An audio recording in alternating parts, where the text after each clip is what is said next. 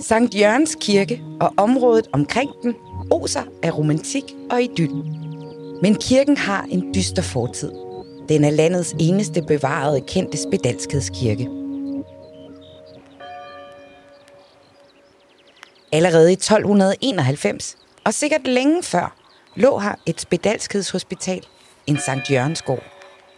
Isoleret fra omverdenen med mere end en kilometer ind til Svendborg, og i god afstand fra vejen mellem Forborg og Svendborg, så de syge ikke risikerede at smitte andre.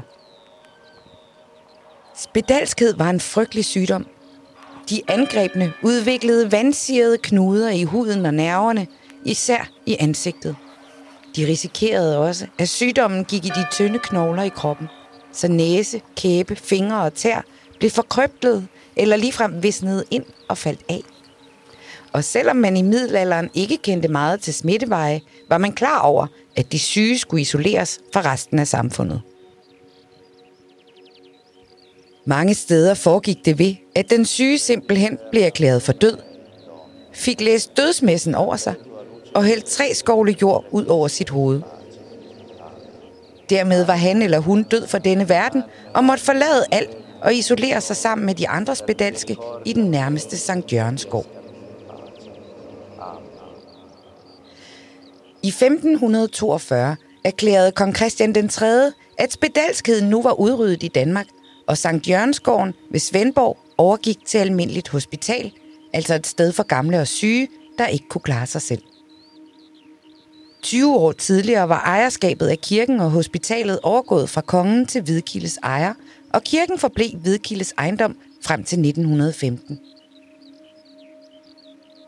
Hospitalsbygningerne blev først købt af sovnet sidst i 1990'erne.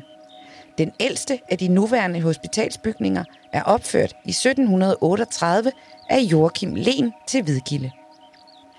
Ved en udgravning i 1961 fandt arkeologerne under kirkegulvet skeletmateriale af 16 personer, hvoraf flere af dem havde de typiske skeletforandringer, man ser ved spedalskhed. På kirkegården kan du se familien Mærsk Møllers store familiegravsted. Peter og Anna Mærsk Møller flyttede med deres 10 børn til Sankt Jørgens Sogn i 1884 og fik efter flytningen yderligere to børn.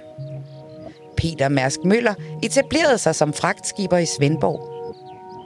Peter og Anna Mærsk Møller ligger begravet i familiegravstedet sammen med flere af deres efterkommere.